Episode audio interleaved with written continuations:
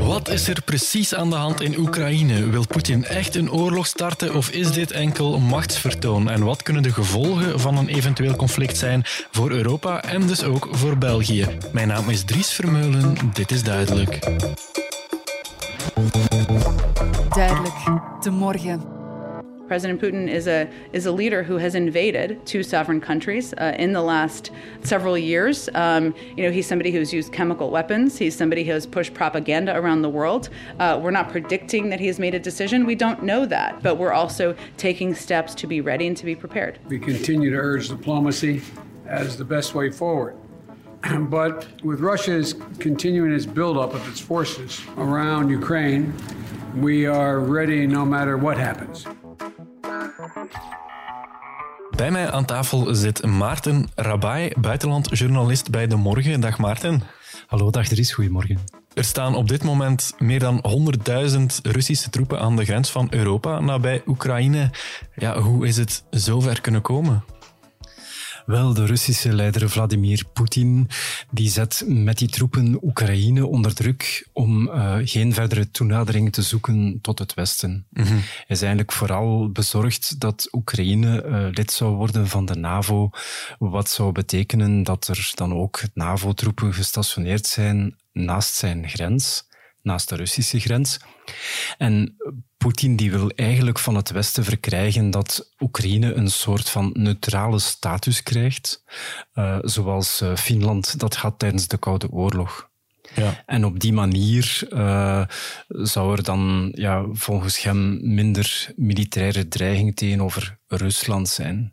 De realiteit is natuurlijk dat Oekraïne in 2014 aangevallen is door Rusland, mm -hmm. dat de Krim geannexeerd is en dat twee gebieden in het oosten, in het Donbassbekken, uh, de facto ook zijn ingenomen door Rusland. Want daar zijn pro-Russische separatisten uh, aan, aan het werk, die uh, ja, een loopgravenoorlog voeren met het Oekraïense leger.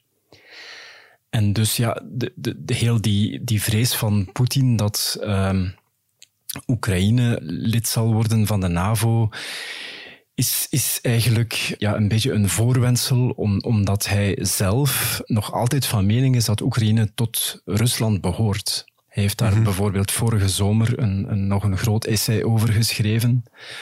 En dus moeten we toch voortdurend op, op onze hoede zijn voor zijn beweegredenen. Ja, de voorbije weken is die dreiging groter en groter blijven worden. Er werd vaak gezegd, niemand weet eigenlijk op dit moment wat Poetin precies van plan is. Misschien zelfs Poetin zelf niet. Is het op dit moment al iets duidelijker? Stuurt hij echt aan op een oorlog?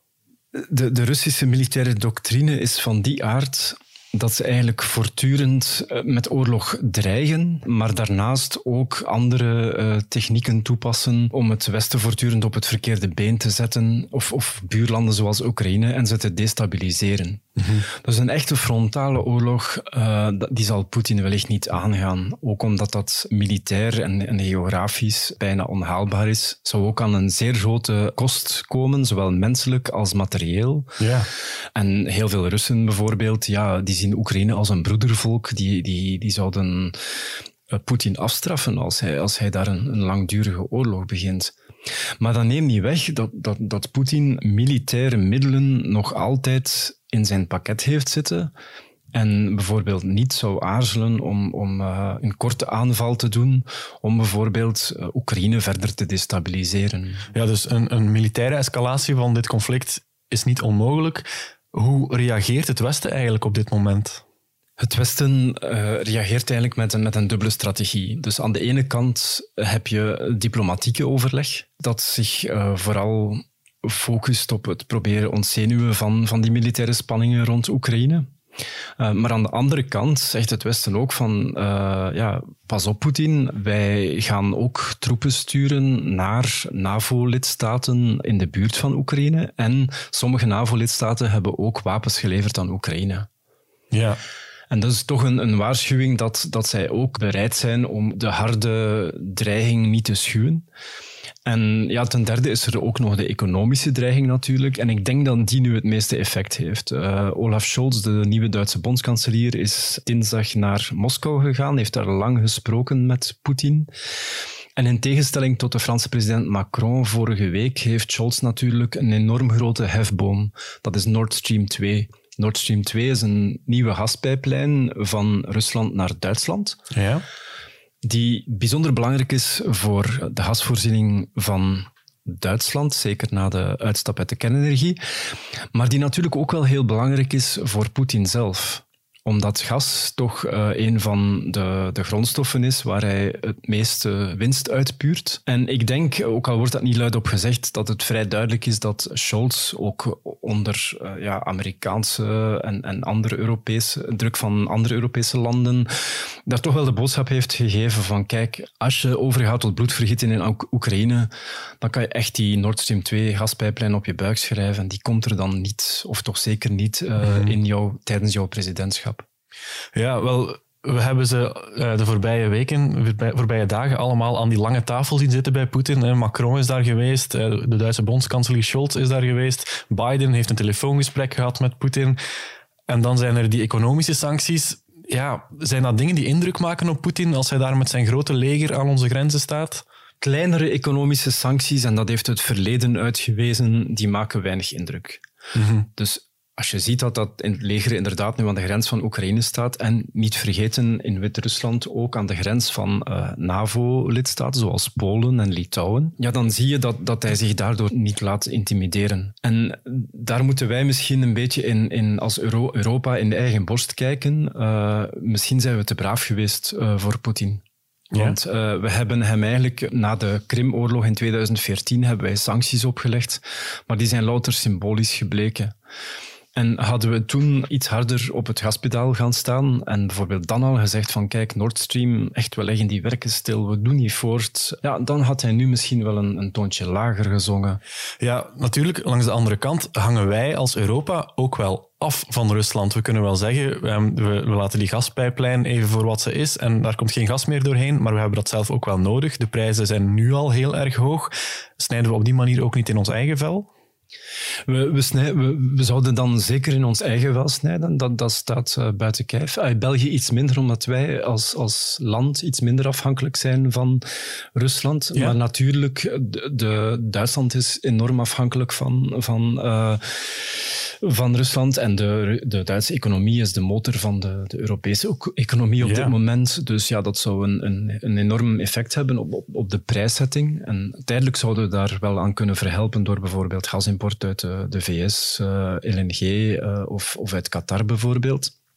Dit gezegd zijnde, um, we moeten echt wel een, een, een, in Europa een, een balans gaan maken van wat is voor ons het belangrijkst. En ik denk dat een hogere gasprijs wel een prijs is die je zou moeten kunnen betalen als je daarmee uh, een grootschalige oorlog op het continent kan voorkomen. Ja. Uh, want de, de prijs van een oorlog is onbecijferbaar als het tot een conflict zou komen in Oekraïne, en er zijn incidenten bijvoorbeeld uh, met NAVO-lidstaten aan de grens en het loopt helemaal uit de hand, ja, dan, dan kan er oorlog uitbreken op het Europese continent. En dat is uh, voor niemand wenselijk. De gevolgen daarvan zouden bijvoorbeeld ook voor België heel groot zijn. Een kleinere oorlog die zich beperkt in Oekraïne, dan, dat niet. Maar, maar als het uh, tot een breder conflict komt, ja, dan, dan zullen ook wij in de klappen delen.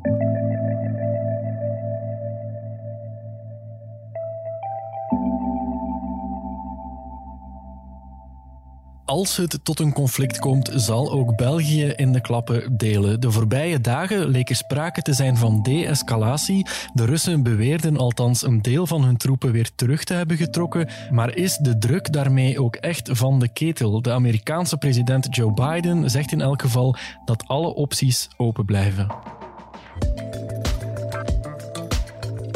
Two paths still open for the sake of historic responsibility.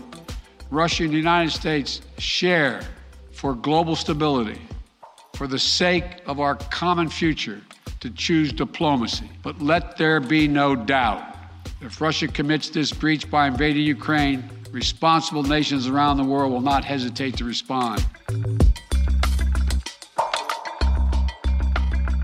Die massale militaire aanwezigheid van Rusland aan de grenzen blijft reden tot grote bezorgdheid en een reëel gevaar voor de vrede in Europa, zegt ook David Kriekemans, professor internationale politiek aan de Universiteit Antwerpen. Alleen al die aanwezigheid, een leger in hoge staat van paraatheid, uh, dat alleen al kan tot miscalculaties leiden. Ik zeg maar iets als een MIG langsheen de Russische grens vliegt en denkt dat er op hem geschoten wordt, dan kan er een keten in gang gezet worden uh, die bijzonder gevaarlijk is. Dus dat alleen al nog los van de dreiging dan natuurlijk, die uitgaat van een mogelijke inval. En dan weten we natuurlijk niet welk scenario. Welk scenario het ook wordt, ook als er geen militair conflict komt, zijn de machtsverhoudingen tussen Europa en Rusland door deze crisis sowieso nu al veranderd? Ja, die zijn natuurlijk, die zitten op een slippery slope van 30 jaar. In die zin dat na het einde van de Koude Oorlog, met de implosie van de Sovjet-Unie op uh, kerstdag 1991, volgens uh, Poetin het grootste geopolitieke, de grootste geopolitieke catastrofe van de 20e eeuw. Ja. ja, dat sindsdien Rusland niet meer au serieus werd genomen. En dat Rusland eigenlijk de facto niet betrokken is bij de wijze waarop we in Europa, pan-Europa, de veiligheid organiseren. De NAVO heeft zich verder uitgebreid. Er is wel een NAVO-Ruslandraad geweest, maar eigenlijk heeft men met Rusland niet echt rekening gehouden. En ik ben een paar keer in Moskou geweest en je voelde, naarmate de jaren evolueerden, de laatste keer dat ik er was, was in 2018, november, uh, dat die geesten toch wel heel erg gescheiden zijn. Mhm. En dat er een sfeer uh, heerst van uh, claustrofobie, noem ik het zelfs. een beetje een angstpsychose zo. En we begrijpen ook elkaar eigenlijk uh, niet meer. En daar is deze crisis, denk ik, een, een, een vooruitwendiging van. Als we dat dan vanuit Europees perspectief bekijken, want er is denk ik toch een verschil uh, tussen het Amerikaanse en het Europese perspectief. Biden, die, ja, die kan het zich perfect permitteren om een uh, harde, harde machtspolitiek te voeren tegen Poetin. Die zegt van kijk, een, een, een inval is imminent en daarmee daarmee, ja, daarmee uh, ja, wijst hij naar de vinger uh, met Rusland. Maar ja, de buitenlandse handel tussen Rusland en de Verenigde Staten is slechts 4% of zo. Mm -hmm. um, ja, dat is wel wat anders voor de Europese landen natuurlijk. Dus is er denk ik langs onze zijde, en dat is dan denk ik vooral in eerste instantie uh, Duitsland, is er een grote behoefte om toch dat debat uh, terug aan te gaan en opnieuw naar uh, kaders te zoeken om die banden te herstellen. Maar dat zal niet eenvoudig zijn, want het wantrouwen is diep tussen de beide partijen. Ja, het wantrouwen is diep en er wordt ook best wel wat dreigende taal gesproken heen en weer. Ursula von der Leyen, voorzitter van de Europese Commissie, die zat recent bij CNN en die zei daar het volgende. I want to be very clear. Nothing is off the table, everything is on the table. The Commission is responsible for designing, shaping, and developing the sanctions in the financial field, in the economic field, and in the technology field. That's what we are doing, and this includes everything. We will start with sanctions uh, at the top of the ladder, and we're very clear that if there's any further aggression, military aggression of Russia against Ukraine, there will be massive consequences and severe severe costs for Russia. Ja, nothing is off the table. Massive consequences. Welke sancties kan Europa zoal opleggen aan Rusland om Poetin op de knieën te dwingen? Wel, uh, de grote vraag is, denk ik, hoe geloofwaardig zijn deze sancties? Gelooft Poetin dat ze gebruikt zullen worden of niet? En hij maakt natuurlijk ook zijn analyses. Um, wij hebben een grote wederzijdse afhankelijkheid, wij is dan Europa als geheel, ja. van de Russen op het vlak van het Russische gas. Dat mhm. geldt niet voor België, maar dat geldt wel voor Duitsland, die bepaalde keuzes hebben gemaakt op het vlak van de nucleaire uitstap, het versneld uitrollen van hernieuwbare energie, uh, het uitfaseren van steenkool. En ja, dan, dan schiet er niet veel meer over. Dus dan, dan, moet je, dan heb je aardgas uh, nodig. Uh, dus dat is één element. Um, tweede element zijn natuurlijk de financiële sancties die mogelijk zijn. De nucleaire optie is Rusland uit het SWIFT-betalingssysteem gooien. Dat gaan de Duitsers niet zo leuk vinden, want die moeten de uh, Russen betalen uh, voor, uh, voor dat Russisch gas. maar dat is echt een nucleaire optie de facto duw je Rusland helemaal in de armen dan van China. En we mhm. weten dat China al bezig is met het opzetten van een alternatief voor het SWIFT-betalingssysteem. Het derde element wat mevrouw von der Leyen aanhaalt, dat zijn die uh, technologische sancties. De zachte vorm daarvan, zou je uh, kunnen zeggen, is ervoor zorgen dat uh, Rusland bijvoorbeeld geen toegang heeft tot bepaalde technologieën die nodig zijn in de oliesector. Ja. Mijn collega Rob de Wijk van het de Hague Center for Strategic Studies, die geeft nog een ander voorstel, wat eigenlijk ook een nucleaire optie is op het vlak van technologie. En dat zijn de semiconductors.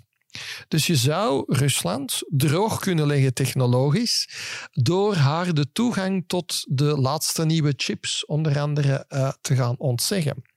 Maar wederom opnieuw, dat kan misschien wel efficiënt zijn, maar duw je ze eigenlijk ook weer uh, in de armen van de Chinezen. Mhm. Ja, los van de vraag of dit tot een militair conflict zal komen, welke gevolgen heeft die crisis rond Oekraïne sowieso al voor Europa en bijvoorbeeld ook concreet voor ons land, voor België? Ja, sowieso natuurlijk uh, zitten we in een, uh, in een atmosfeer van grote geopolitieke spanningen, geostrategische spanningen, waar we ons heel wat vragen bij moeten stellen. Er zijn vermeende uh, Russische cyberaanvallen wellicht. Dus uh, de uh, veiligheid van onze datanetwerken, mm -hmm. maar eventueel ook van onze kritische infrastructuur, is toch iets dat uh, heel hoog. Dus voor ons ook een wake-up call, denk ik. Hè? Yeah. deze crisis, dat we daar veel meer op moeten inzetten en hoe, ja, hoe afhankelijk we eigenlijk wel zijn. Bij uitbreiding stellen we bij deze crisis ook vast hoe afhankelijk die we zijn van de Verenigde Staten nog steeds met die veiligheidsgarantie. Waar ik uh, s'nachts wakker van lig, uh, soms letterlijk, is dat op een dag er een nieuwe Trump zou opstaan die plots de stekker uit de NAVO trekt, bijvoorbeeld. Ja. Denk u eens een Oekraïne-crisis in met een isolationistische Verenigde Staten die niet geïnteresseerd is in veiligheid op het uh, Europese theater dat ziet er eh, heel wat anders uit. En dan komen zelfs de Baltische Staten of Polen met al hun historische trauma's die daar ook bij uh, liggen, uh, die komen ook in het vizier. Dus ik denk dat bij uitbreiding uh, het ook voor onze Europese landen weer eens een wake-up call is hoe dringend wij eigenlijk wel zelf ook moeten investeren in territoriale verdediging. En dan ten derde natuurlijk het economische.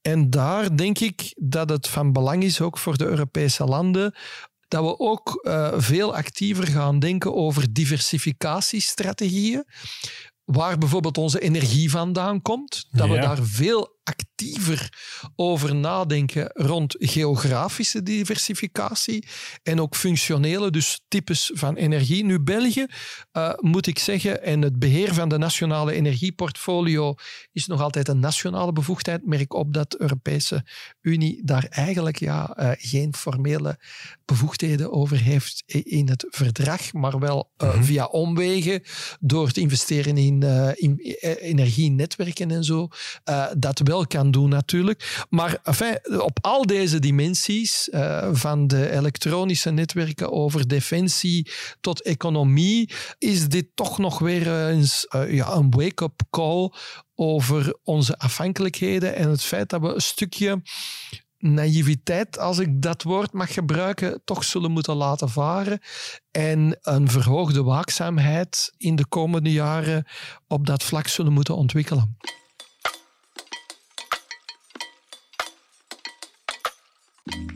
Professor, u had het daarnet zelf al over energie. De gasprijzen die swingen momenteel al de pan uit. Het ziet er ook naar uit dat we in de toekomst nog meer afhankelijk zullen worden van gas, want we gaan in België gascentrales bijbouwen.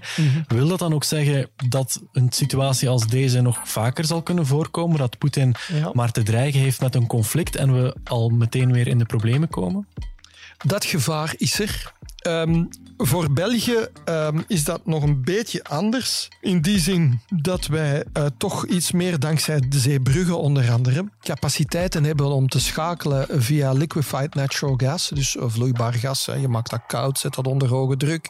Je kan dat eh, volume van gas met 600 keer eh, verminderen, dan kan je dat gaan transporteren.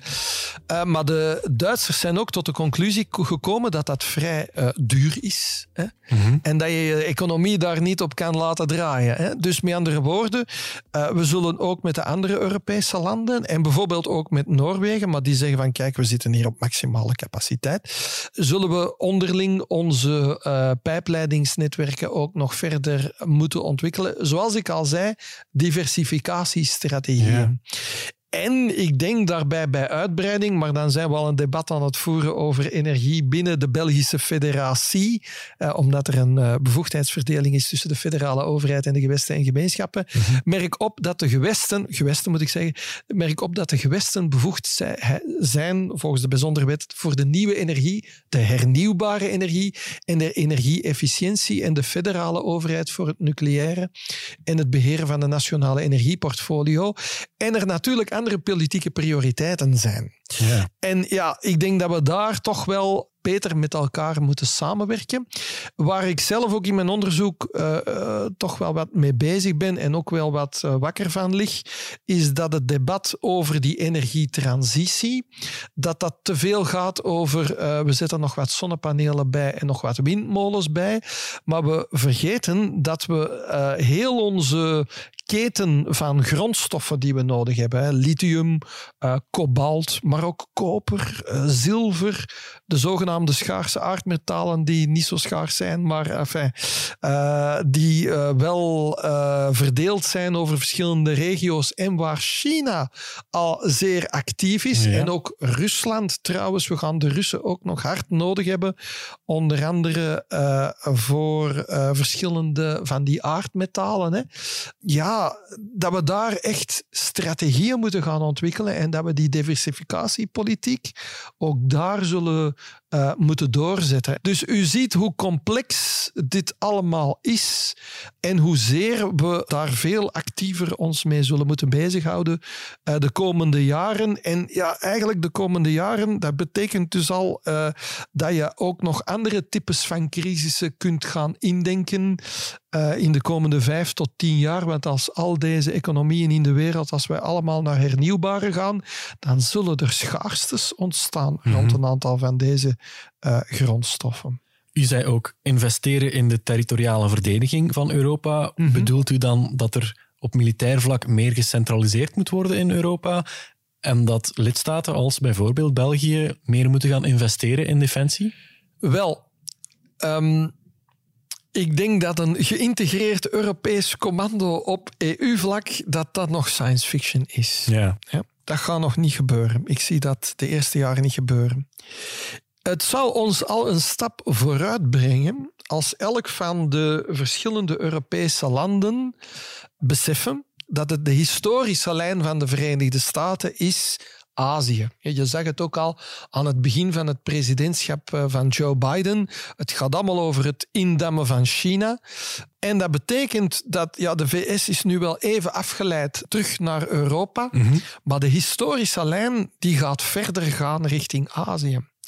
En dat betekent dat we dus in de komende jaren of decennia, we weten niet hoe lang dat die window of opportunity open staat, hè, eh, dat de VS misschien zelfs terug isolationistisch zou kunnen worden, niet geïnteresseerd in die... Stel dat Trump vandaag eh, president had geweest, ja, hoe had die gereageerd op deze crisis? U bedoelt, die had Europa misschien aan zijn lot Ja, overgelaten? dat had heel goed mogelijk kunnen zijn. Dus we zijn daar ook aan iets ontsnapt, zou u kunnen zeggen. Ja. Maar u kan zich al indenken wat er zou gebeuren als een nieuwe Trumpiaan aan de macht zou komen. De Russen gaan gewoon de machtspositie testen. En dan komen we, ja, zonder alarmistisch te zijn, komen we toch wel in zeer gevaarlijk vaarwater. Vandaar dat er nu nog een window of opportunity is om capaciteiten op te bouwen rond territoriale verdediging. Dat is een ontradingscapaciteit. Dat hoeft geen nieuwe wapenwetloop te zijn. Dat is gewoon een stuk realisme. En als we dat niet doen, ja, dan zou ik iedereen uitnodigen om de Oekraïne-crisis in een soort van gedachteoefening eens af te spelen in een wereld waarin de Verenigde Staten niet meer geïnteresseerd is in de veiligheid in Europa. Dat ziet er een heel andere crisis uit, vrees ik. Oké, nog even uw glazen bol, professor. Komt het tot wapengekletter in Europa? Um, ik hoop van niet. Ik denk nog altijd dat dit uh, brinkmanship is. Hè. Going to the brink, tot op de rand van de oorlog gaan om ja. politieke doelen te bereiken. Maar het is niet uitgesloten dat uiteindelijk we toch per ongeluk, uh, of om de historische analogie van de slaapwandelaars te gebruiken, dat we al slaapwandelend in een heel grote crisis terechtkomen. En dat moet eigenlijk uh, ten allen prijzen vermeden worden. Oké, okay. professor Kriekemans, dankjewel. Graag gedaan.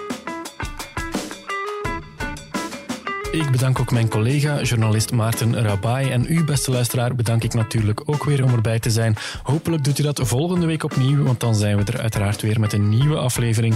In de tussentijd kunt u ons altijd een mailtje sturen op podcasts.demorgen.be. Heel graag tot volgende week. Dit was duidelijk.